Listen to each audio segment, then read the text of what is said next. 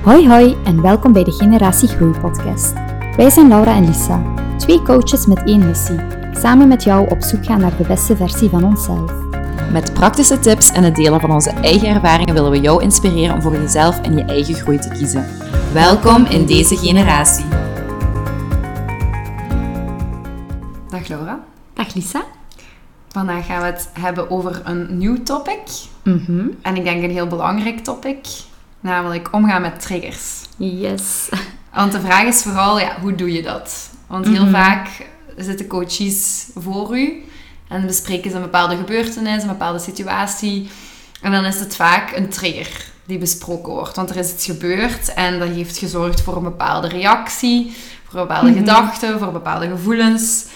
Ehm, waarbij je achteraf dan in de coachingstoel over nadenkt van... Dit is er gebeurd, hoe kan ik dat anders doen? Ja, klopt. En ter intro eigenlijk is het, is het goed om even eh, te spreken over hoe ik het meestal uitleg aan mijn eh, coaches. Mhm. En dat is dat ik eigenlijk een cirkel teken. Eh, ik heb dat ook al eens in een andere aflevering gezegd. Ehm, een cirkel waarin de trigger voorop staat eerst. Dus die staat Mhm. van boven. En dan trek je eigenlijk een, een streep naar gedachten. En dan naar gevoelens. En dan naar ehm, ja, gedrag of uw reactie. Dus er is een trigger, dat zorgt vaak voor gedachten en gevoelens. De volgorde maakt niet zoveel uit, maar meestal Mhm. begint het wel met een gedachte en die gedachte triggert een bepaald gevoel. Ja. En dat gevoel zorgt ervoor dat je een bepaald gedrag gaat stellen, want je brein herinnert eigenlijk aan die cocktail van gedachten en gevoelens Mhm. maakt dat je best zo reageert. Ja. Maar zo reageren is dan eigenlijk reageren op een manier dat je op korte termijn gaat vooruit helpen en niet op lange termijn. Omdat je heel vaak, als je de cirkel snel gaat voltooien, heel impulsief gaat reageren. Dus op automatische piloot. Ja. Ik zeg ook wel vaak tegen mijn coaches zo de drie G's. Zo van, en Mhm. heb, je, heb je ingecheckt bij de drie G's? Dus gedachten, gevoelens, Ja. gedrag. En dan, eh, dan kijken ze van, ja nee, dat heb ik toen niet gedaan. Maar dan is het eigenlijk ook nooit te laat om dat achteraf te doen. Ja, want eh, wat ik eigenlijk doe, hè, jij werkt met de drie G's. En ik, allee, ik ken nog veel andere personen die dat ook doen. Maar ehm, ik gebruik daar ook het 5G-schema voor. Ja. Dus bij mij is het dan gebeurtenis, gedachte, gevoel, gedrag, gevolg. Ja, En dan is het inderdaad gaan kijken van... ehm, bij mij is het dan vooral gaan kijken van welke gedachte is erop gekomen. Ja. En dat is vaak inderdaad niet op het moment zelf, maar dat mensen gewoon al leren van een situatie achteraf. Bijvoorbeeld een situatie die ze moeilijk hebben kunnen loslaten Mhm. waar ze lang mee bezig zijn geweest, dat ga zeggen van oké, maak die oefening eens. Hè, wat is er gebeurd? Wat heb je gevoeld? Wat heb je gedacht? Was er, eh, welk gedrag heb je gesteld? Wat was het gevolg? En dan dat ze een oefening opnieuw maken en dat ze kiezen voor een andere, meer positieve gedachte. ja, ja. En dat ze dan gaan zien van, ah, tja, als ik eigenlijk voor een andere gedachte had gekozen op dat moment, dat was mijn dag helemaal anders Ja, verlopen. dan, dan gaat het andere schema ook, eh, en gaat het schema ook er helemaal anders uitzien, gewoon door het feit dat je een andere gedachte hebt gekozen. Ja, op die Ja. manier. Ja, dat is al een heel, heel goede oefening. Ehm, ik zeg dat eigenlijk ook, en dat sluit daar mooi bij aan. Dus op die cirkel bij mij Mhm. zeg ik van, je kunt eigenlijk op elk moment stoppen. Ja. En dus jij vraagt dan eigenlijk om te stoppen op de gedachte. En dat is ook vaak het... Allee, daar begint het eigenlijk. Hè? Dus dat is eigenlijk het beste. Je kunt ook stoppen bij, bij het gevoel. Van Mhm. Dat je eerst incheckt bij je gevoel. Dus ik zeg meestal dat ze dat wel zelf kunnen, kunnen kiezen dan. Ja. Maar dus op die cirkel... ehm, ik zeg dat tegen hun, staan eigenlijk domino-blokjes. Oké. En ehm, meestal als de trigger gebeurt, dan valt heel snel het domino-blokje. Ah. En zo val- valt de rest eigenlijk verder. Dus het is gedachte, gevoel, gedrag. Ja. En dan heb je, heeft je brein ook weer een leerervaring. Want die Mhm. denkt van, ah, op korte termijn heeft mij dat geholpen, hoe ik hier ben omgegaan met een bepaalde trigger. Volgende keer doen we dat juist hetzelfde. Dus die blokjes gaan eigenlijk zo alleen maar sneller en sneller Ah, vallen. ja, op die manier. Maar ik, ik zeg dan van, jij kunt eigenlijk zelf stoppen. Als jij bijvoorbeeld je hand daartussen steekt, dan valt het volgende blokje niet om. Mhm. Ik weet niet of dat in realiteit zo zou zijn, maar het is maar gewoon om het visueel te maken van, dat loopt heel snel. Ja. Maar jij kunt er eigenlijk voor zorgen dat ze niet vallen. Als je dan, zoals bij jij in het 5-schema 5G-schema, stopt Mhm. bij de gedachte en dan het hele verhaal herschrijft eigenlijk. Ja, klopt. Maar wat ik dan inderdaad wel vaak merk, is van dat ehm, mensen weten nog... Allee, wanneer ze in het begin komen hè, naar de gesprekken, weten ze vaak nog niet wat hun triggers zijn. Ja, exact. En dat is ook wat er in coaching dan gebeurt. Hè? Op zoek gaan naar wat zijn die triggers Ja. dan. Ja, en dat is, dat is een heel mooi vervolg eigenlijk, want het begint allemaal wel bij die triggers. Ehm, en ja, we hebben daar ook sowieso oefeningen voor, maar ik weet dat jij daar een heel goede oefening voor hebt, om eigenlijk die triggers te leren kennen, echt aan de basis. Ja, het is... ehm, de originele oefening is eigenlijk dus dat je een, eh, een, een blad papier neemt en dat je dan een kindje in het midden van dat papier tekent. eh, best met een bolle buik, want hè, je gaat er later nog iets moeten inschrijven. En dat je dan gaat kijken van... ehm, je schrijft dan je mama op of je papa. Of ja, misschien als je ergens anders bent opgevoed. Of er zijn andere mensen bijvoorbeeld op school of op internaat of wat dan ook. Die ook een grote invloed hebben gehad op je leven. Ehm, dat je die bovenaan schrijft. Hè, Ja. Naast het kindje van boven. En dat je dan voor elk van die per- personen dat je opschrijft, dat je gaat noteren van... Oké, ehm, welke situatie hè, met een van deze personen is er gebeurd als kind en blijft mij vandaag de dag nog steeds bij? Welke situatie was dat? Op welke manier reageerde die persoon? Hè? Kunt je daar een woord op plakken? Ehm, was er een bepaalde zin dat die persoon bijvoorbeeld altijd herhaalde, wat je nu nog altijd hoort? Ja, klopt. En dan is het eigenlijk de kunst van, oké, en die situatie, welke overtuigingen zijn er toen bij mij gecreëerd? Mhm. En dan hè, niet enkel over uzelf, maar ook over de anderen. En dan, Ja. dat zijn vaak uw triggers. Dus die overtuigingen kun je dan inderdaad in het buikje schrijven van, van dat kind, zeg maar. En dat zijn eigenlijk ja, de, de schaduwkanten van je innerlijk kind, noemt dat eigenlijk. De Ja. negatieve overtuigingen die dat je over jezelf hebt meegenomen. Ja, En vaak situaties die je vandaag de dag nog triggeren, die komen van toen. die komen van de overtuigingen die je op dat moment had. Ja. Heb je zelf een voorbeeld van ehm, wat er bij u uit zo'n oefening is gekomen? Ja, bij mij bijvoorbeeld, wat ik ook in de vorige aflevering zei, is zo niet begrepen worden. Ja. Dat is bij mij zo wel eentje. En, en ehm, ik- ja, iedereen heeft er meerdere. Dus ik moet sowieso er nog wel op komen. Ook zo van... ehm, eh, ja, niet, niet rekening gehouden worden met Ja. dat. Dat Ja. zijn denk ik, ik ben nu op zoek gegaan naar de twee meest Ja. eh, triggerende voor mij. Dat zijn volgens mij die twee. Mhm, mhm. Ik moet ook Ja. denken aan dat je in een aflevering zei van dat je ook nog constant groeit en dat je eigenlijk zo denkt van oeh, dat triggert mij precies. Dus dat Ja. je gaandeweg eigenlijk nog steeds triggers leert kennen. Ja, zeker. Bij mij is het vooral ook eh, als er niet geluisterd wordt. Ah ja. Ja, dat, is, eh, dat is echt een hele, een hele stevige, denk ik. Ja. Als, als iemand met iets bezig is, wat ook oké is, hè, Mhm. maar dan, ja, je bent niet aan het luisteren. Hè.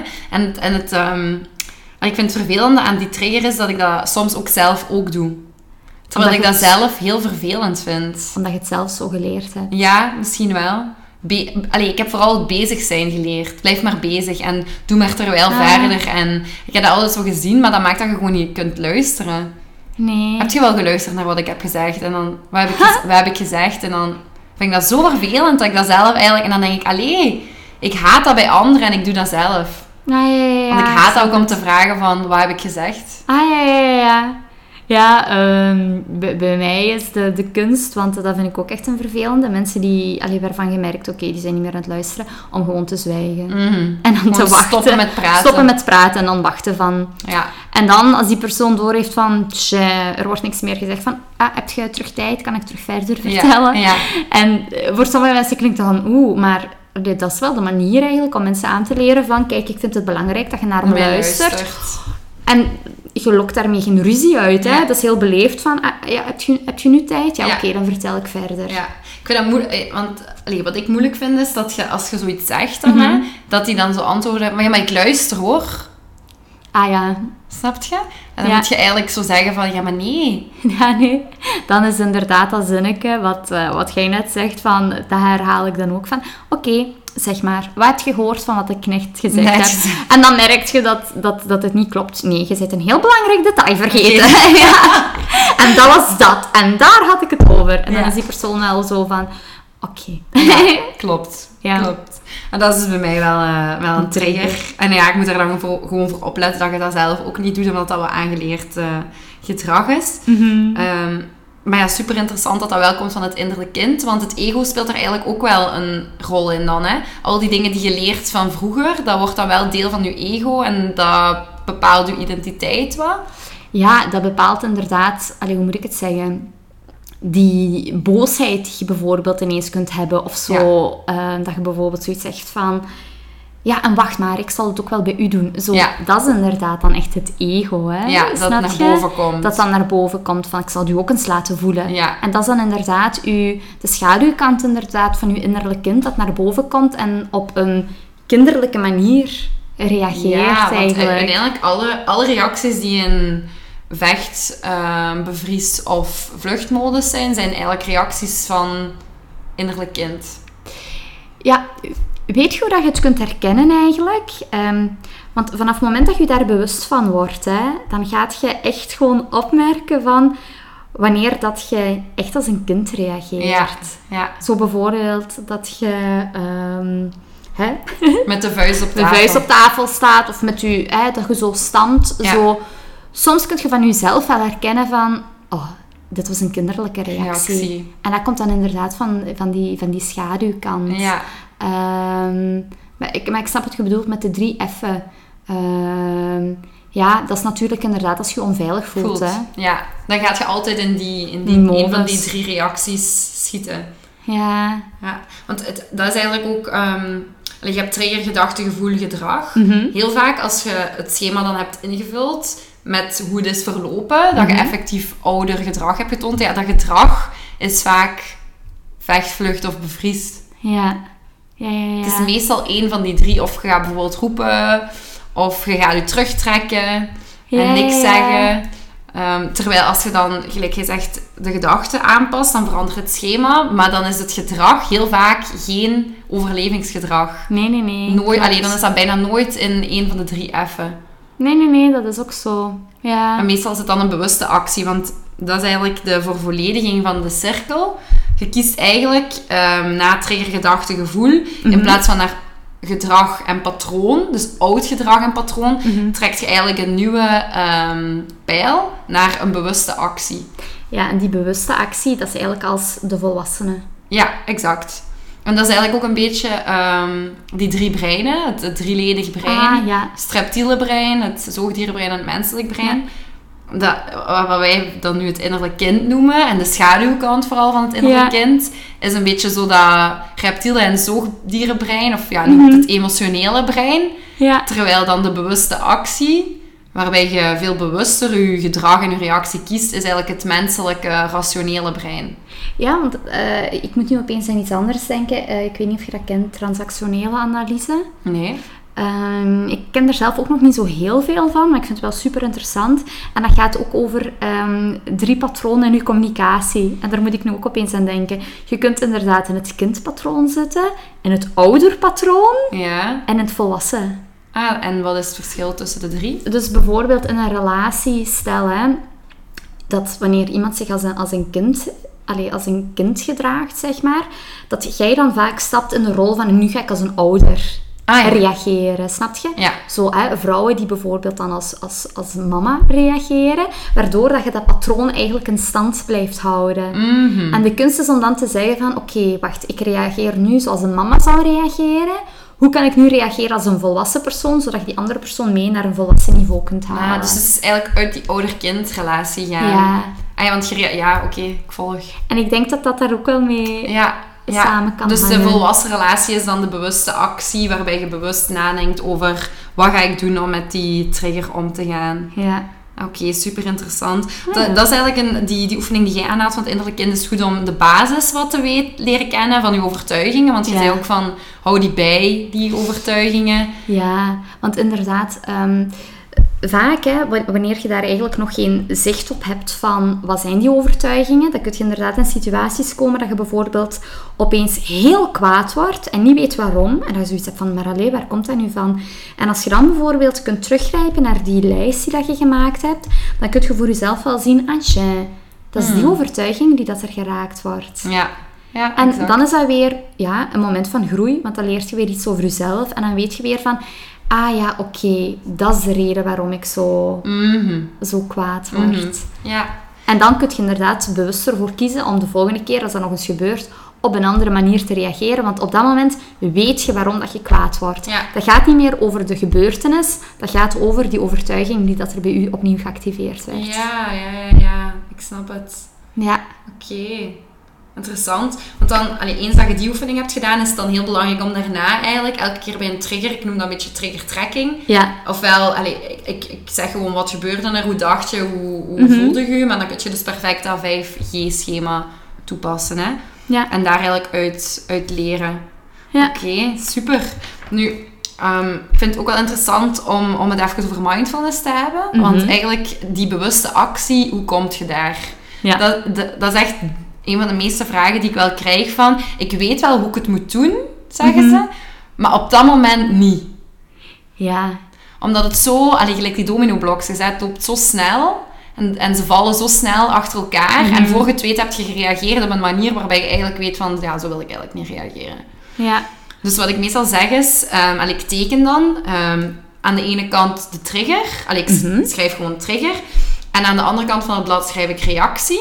Oké. En dan trek ik daar eigenlijk een heel grote pijl tussen. Mhm. Dus alsof daar heel veel afstand tussen staat. Ja. Want heel vaak gebeurt het trigger, reactie, vlak na elkaar. Ja. Maar eigenlijk, je kunt u tussen de trigger en de reactie heel veel tijd kopen. Oké. Ja. En de tijd die je koopt, koopt je door mindfulness eigenlijk. Mhm. Dus doordat je ruimte creëert tussen twee gedachten. Want heel vaak zeggen ze bij mindfulness van, ah ja, ik wil geen gedachten meer hebben. Maar er zijn altijd gedachten. Je creëert eigenlijk gewoon ruimte tussen twee gedachten. Zodat die elkaar minder snel opvolgen en je minder automatisch gaat handelen. Ja, en dat je u ook niet ehm allee, hecht aan de gedachten die naar boven Ja. komen. Ja, Ja. dat het eigenlijk gewoon maar een gedachte is. Mhm. En dat je die kunt observeren. Ja. Dus allee, hoe ik zeg dat je die tijd kunt kopen, is door bepaalde mindful mindfulness oefeningen te doen. Mhm. Dus bijvoorbeeld ademhaling. Ja. Dus dat je gewoon heel even op je adem let. Nu, dat is niet het meest populaire, hoewel er heel veel rond te doen is rond Mhm. ademhaling. Maar op dat moment is dat heel moeilijk om, om daarop te letten. Mhm. Ehm, dus ik zeg ofwel adem, ofwel je de vraag stellen van... Wat ga ik nu doen, normaal gezien? Ja. Dus de trigger komt en heel vaak weet je wel van... En nu ga ik normaal dat doen. Maar dus doordat je die vraag stelt, creëert je tijd. En bewustzijn, ja. en bewustzijn. Mhm. En daardoor zorg je ervoor dat je um, je reptiele brein, Mhm. of het, het, het kinderlijk brein eigenlijk dan, Ja. even ehm, afremt. Ja. Want die reageert, ik weet niet meer hoeveel het was, maar ehm, Enorm snel. ja, sneller.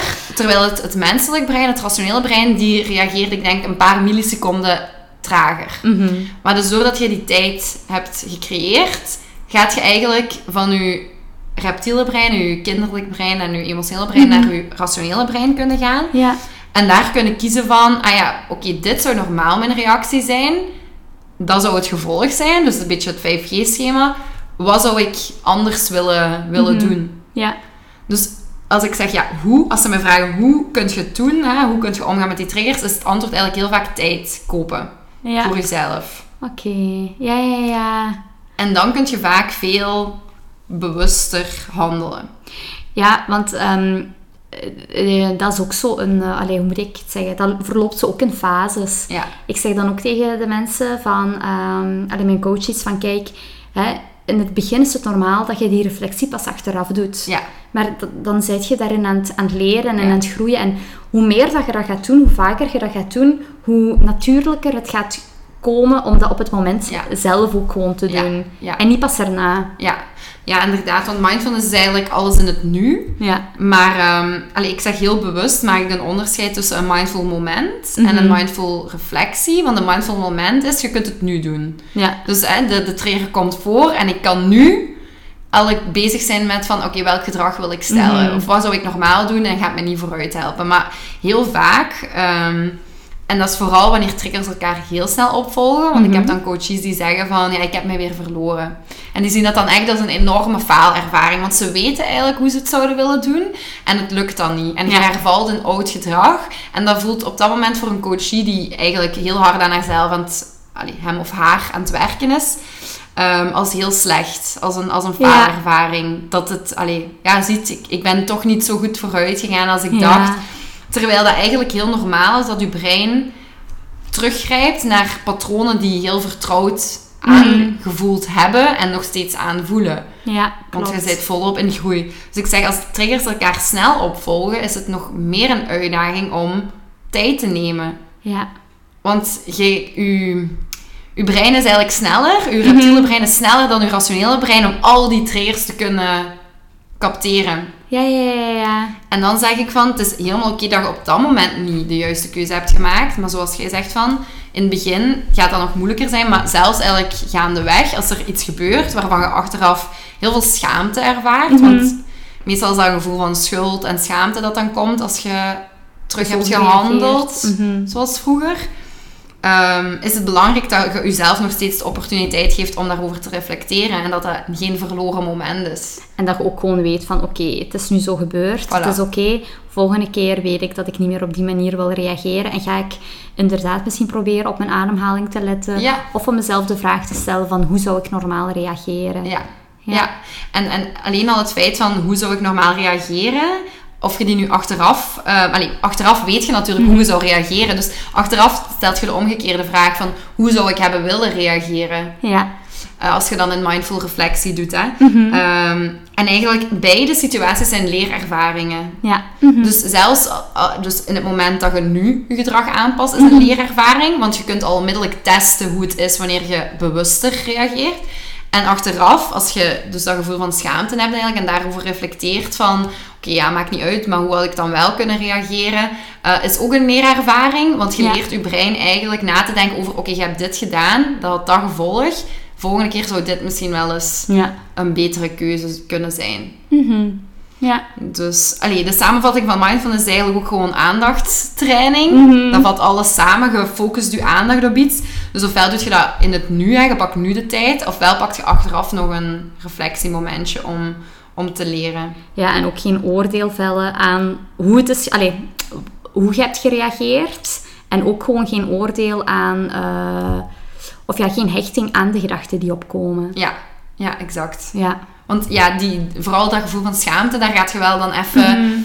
Allee, heel vaak heb je dat daarna, hè, van ah, verdorie. En, en zo'n beetje het alles of niets verhaal. Van ja, kijk, ziet je, het werkt niet. Gooi het in de vuilbak, heel mijn persoonlijke ontwikkeling. Ziet je, ik ben, ben daar niet goed in. Ja. Ehm, terwijl, allee, dat staat er helemaal los van. Hè? Die, die momenten, dat zijn zelfs geen zwakke momenten, want die kunnen u eigenlijk superveel leren. Ja, ja, ja, dat is ook zo. En het is inderdaad de kunst om die, al die momenten als leermomenten te zien Ja. en niet als momenten van falen. Ja, inderdaad. Maar dat is denk ik een, dat is denk ik een uitdaging. Dus probeer... Meestal gaan coaches altijd buiten dan op dat moment van... Ah, oké, ik ben wel vooruit gegaan. Ja. En dat- Want het feit dat ze eigenlijk al weten hoe ze liever zouden reageren, dat is echt al een... Bewustzijn. Ja, echt. Ja, want ehm, aan het einde van elk gesprek ehm, stel ik heel vaak de vraag: en hoe voelt je nu? En als dan zo'n dingen besproken zijn geweest van, ah ja, er is toch een moment geweest dat, dan zeggen ze, ah ja, opgelucht. Ja. Dat ik toch stappen vooruit Ja. aan het zetten ben. Ja, dat je eigenlijk door dat, die schaamte en dat, en dat schuldgevoel en die, ja, die faalervaring wat door, ehm, doorbreekt. Hè? Mhm. Ja, inderdaad. Ehm allee, ene die ik sowieso ook nog had opgeschreven voor mezelf is ja, dat je verantwoordelijkheid moet nemen in de triggers die er zijn. Eh, want heel vaak gaan we, als er een trigger is, Mhm. nooit stilstaan bij, ah, maar ik ben getriggerd. Want wij spreken nu eigenlijk over triggers alsof dat de normaalste zaak ter wereld is. Maar coaches, voor die in coaching komen, en als je nog helemaal niet veel met persoonlijke ontwikkeling bezig bent, dan kom je meestal altijd in een eerste gesprek op het feit van, ja, maar die doet dat. Uh, Of dat is er gebeurd. En ik merk, naarmate dat je coaches ziet vorderen, nemen die een heel andere woordenschat aan en zeggen die niet meer, ja, maar dat is gebeurd. Is zo van, dat was een trigger van mij. Ja, klopt. Dat is iets wat bij mij binnenkwam. Ja. Of dat heeft mij geraakt. Ja, Ja. Terwijl anders is het, ja, maar die heeft dat gedaan en die heeft dat gezegd en eh, dat is er gebeurd. Eh, terwijl anders is het van, ja, veel rustiger zo van, dat is er gebeurd en dat triggerde mij. Mhm. En dan kun je pas verder kijken van, oké, en waarom triggerde u dat? Ja, dat is inderdaad soms de kunst. Eh, ik heb dat niet vaak, maar soms heb je inderdaad personen die in coaching komen en zoiets hebben van bijvoorbeeld... ehm, hè, ja, mijn, mijn relatie zit niet goed in elkaar en dit moet die veranderen. Hè, hij of zij, eh, of dit, of dit. Of eh, een hele waslijst van wat er veranderd moet worden. En dan zeg ik ook vaak, ja, maar daar kan ik niks aan doen. Ja. Ik kan niks doen aan dat gedrag en jij ook niet. Nee. Het enige wat jij kunt veranderen is uw gedrag en hoe dat jij erop reageert. En dan kan die persoon inderdaad, zoals we in de vorige aflevering Ja. zeiden, zich aanpassen of niet. Ja. En sommige dingen gaat die persoon misschien niet veranderen en andere dingen Ja. misschien wel. Maar je kunt geen directe invloed hebben op het Nee. gedrag van iemand anders. Nee. Ik betrek ook altijd dan in de werkboeken zo die cirkel van controle. Want dan Ah, de, ja. de drie G's, hè, gedachten, gevoelens en gedrag. Dat is eigenlijk het enige dat in uw controle ligt. Ja, klopt. En alles wat u triggert, zegt vaak meer over u dan over de persoon Mhm. waar het over gaat. Ja. Of de situatie die voorvalt, want het moet niet altijd een persoon zijn, maar het is meestal iets... Triggers is altijd iets dat rond u, rondom u gebeurt, maar eigenlijk zegt het veel meer over wat er intern in u leeft, dan wat er extern aan het gebeuren is. Ja, ja, ja, sowieso. Ja. Dus, ehm, allee, de, de quote die ik had opgeschreven is: triggers gaan om u en niet om de persoon die u triggert. Dus vraag u vooral eens af van waarom triggert mij dit het zo? En dan Mhm. het 5G-schema is een, is een perfecte aanvulling ja. daarvan. Ja, ik vind, het, eh, ik vind het wel leuk om zo te horen van... ehm, dat er ook echt praktische tips zijn om er iets mee te doen. Ja, ja, inderdaad. Het is misschien een idee dat we een one-pager maken ah, ja met het kan wel. 5G-schema. En dat ze die gewoon kunnen downloaden om hiermee, hierna te gebruiken. Ah ja, dat is een idee. Voilà. Ja, ideetje. Ideaal. ja. Dat was een beetje ehm, ja, hoe omgaan met triggers. Dus een Mhm. iets kortere aflevering.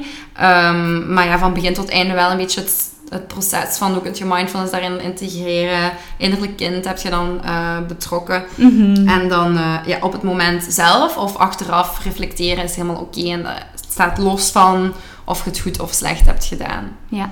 Ik denk dat dat een mooie samenvatting is. Oké, super. Dan gaan we hem hier afronden. Ja, super. Bedankt Lisa voor alle inzichten. Veel succes met het eh, toepassen voor iedereen die aan het luisteren is. Hè? Ja, inderdaad. En als er vragen zijn, zijn we ook altijd beschikbaar. Ja, zeker weten. Oké, tot de volgende. Tot de volgende.